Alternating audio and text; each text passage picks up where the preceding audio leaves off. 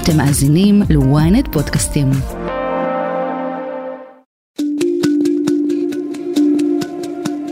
From this moment, we must be crystal clear. We stand with Israel. We stand with Israel. And we will make sure Israel has what it needs to take care of its citizens, defend itself, and respond to this attack. que c'est pas une histoire d'Israéliens ou de Juifs, c'est une attaque du monde occidental, de la laïcité et des valeurs qui nous sont chères à tous. Hunderte Israelis sind getötet worden. Tausende Raketen wurden aus dem Gazastreifen von Terroristen auf Israel abgefeuert. לישראל יש את הזכות להגן על עצמה ואנחנו עומדים לצדכם. משפט שנשמע מפיהם של כל כך הרבה ראשי מדינות השבוע שקשה לספור.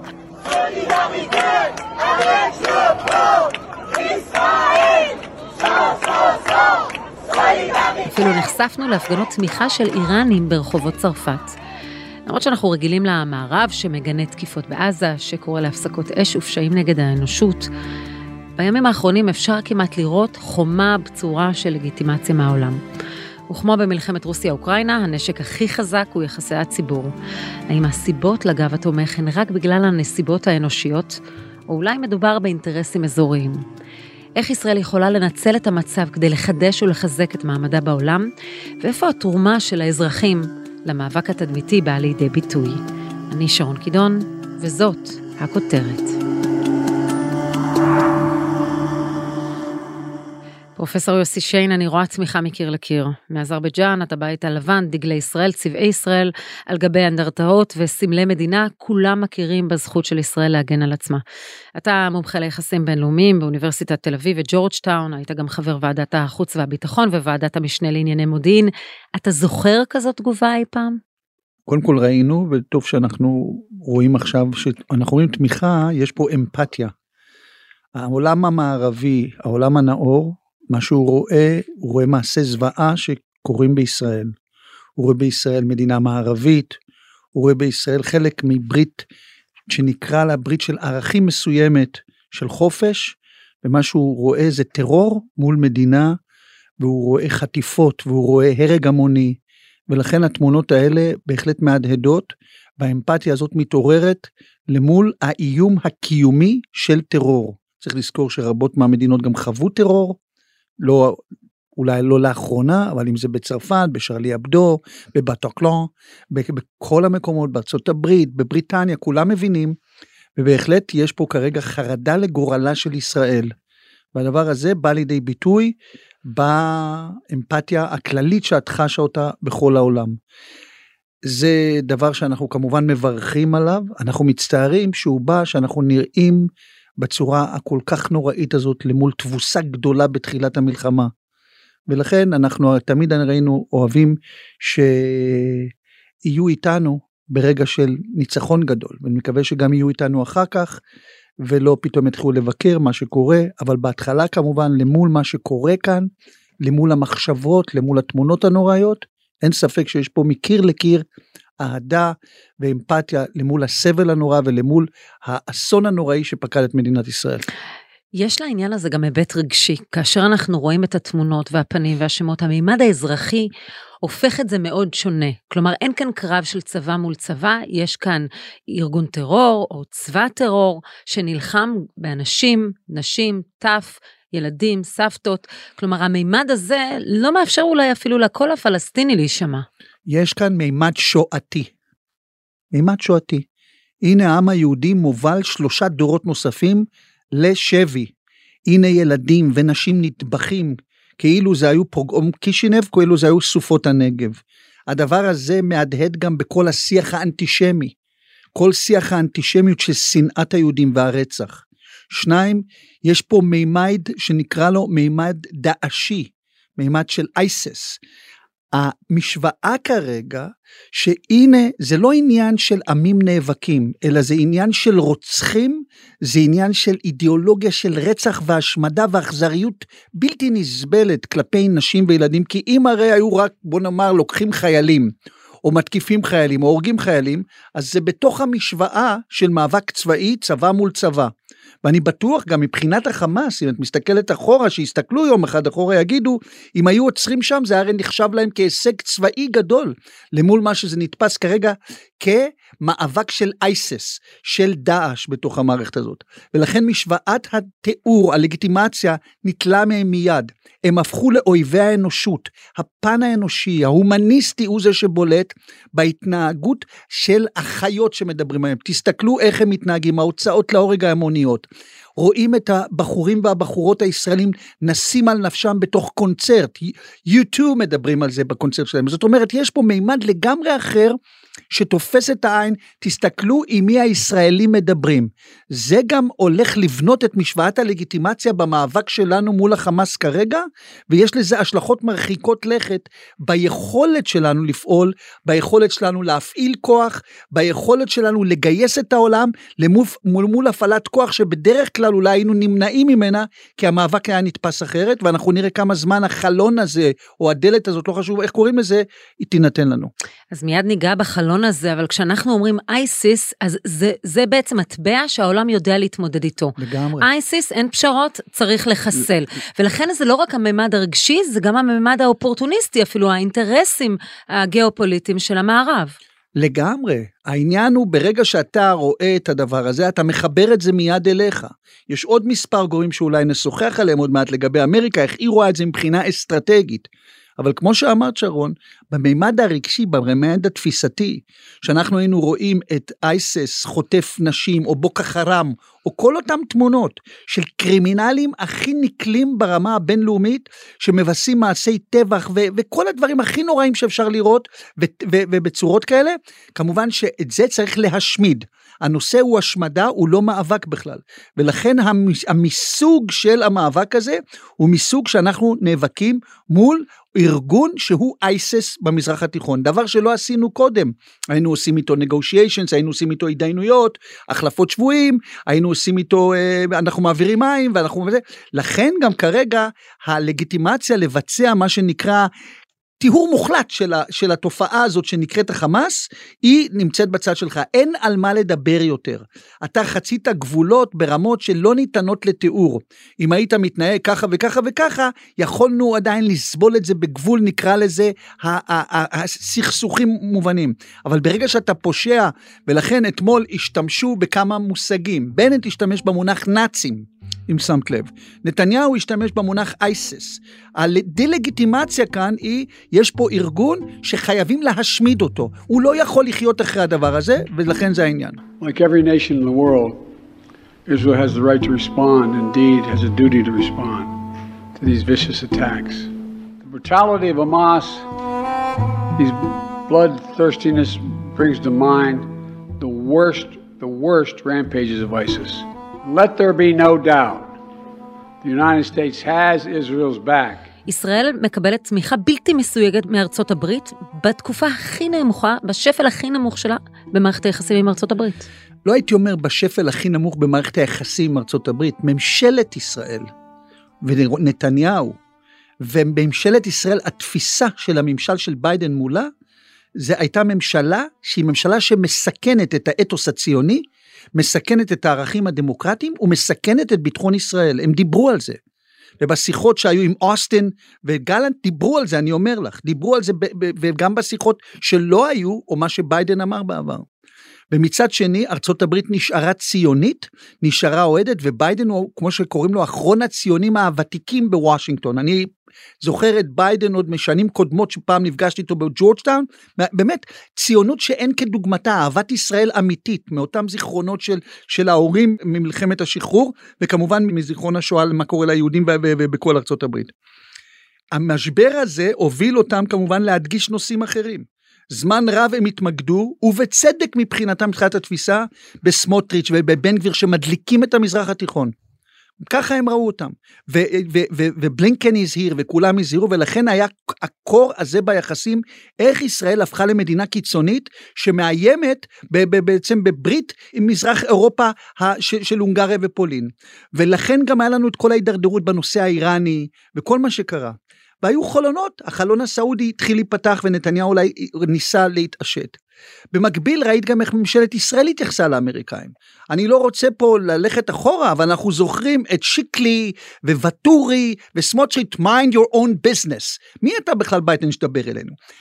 הזילות שהייתה בממשלת ישראל לממשל האמריקאי, כאילו מחכים לטראמפ שיחזור ואנחנו פה נעשה מה שבא לנו, אנחנו בכלל, זה לא העסק שלכם מה שהולך פה. ופתאום ישראל נתפסת לא כמעצמה, אלא כאולי משהו שצריך עוד מעט, וואו, ישראל באיום קיומי אמיתי. ולכן אמריקה מתגייסת כי יש פה אינטרסים בינלאומיים אדירים וגם ערכים, רואים מה שדיברנו מקודם בשלב הקודם. ואז אמריקה כל כולה מתגייסת, ישראל, מדובר בישראל, לא בממשלת ישראל, מדובר בציונות, מדובר בכל אותם ערכים שדיברנו עליהם במשך 75 שנה שנבנו כאן.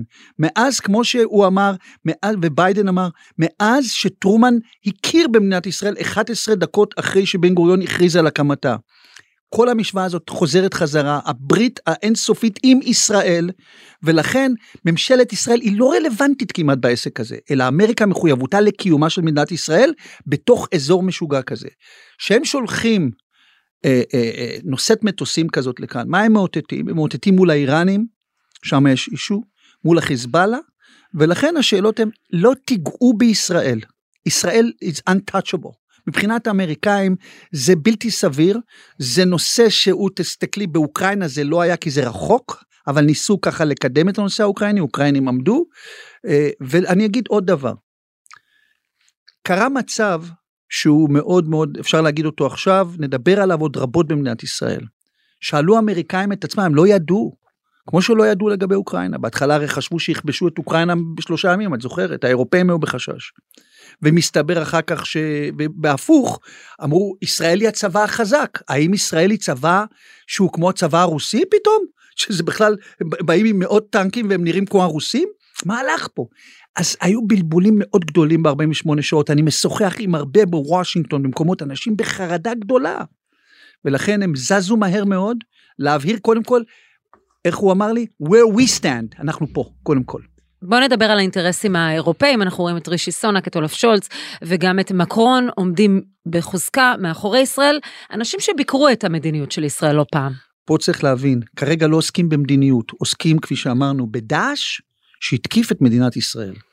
וברגע שדאעש התקיף את מדינת ישראל ומקרון עמד בפני התקפות טרור כאלה בצרפת, ושלא לדבר על שולץ, ושלא לדבר על בריטניה, ששם כמובן יש אהדה לישראל, בתפיסת, כפי שאמרנו, באתוס המערבי. אנחנו התבלבלנו, לא הם.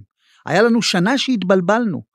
התחילו לדבר על זה שאולי אנחנו בכלל לא חלק מהמערב, אנחנו נהיה חלק ממזרח אירופה ואורבן הוא הגיבור הלאומי של, אה, של כמה פה בישראל, הם שכחו, הם חשבו שהמערב הוא ליברלי ועכשיו אנחנו צריכים ללכת לאיזה מודל חדש, מזרח אירופאי של אה, אוטוריטריות אחרת. פתאום התעוררו פה, מבינים את העסק הזה. ולכן המערב הזה שמבין את האיום הדאעשיסטי, מבין את האיום האסלאמיסטי, ברגע שמזהה את זה כך, אין ספק בכלל שכולם מבינים, יש להם פה בני ברית אדירים, בצבא, באוניברסיטאות, בתרבות, אנחנו חלק עצום מהמערב, למרות שאני אומר עוד פעם, צריך כל הזמן להזכיר את זה.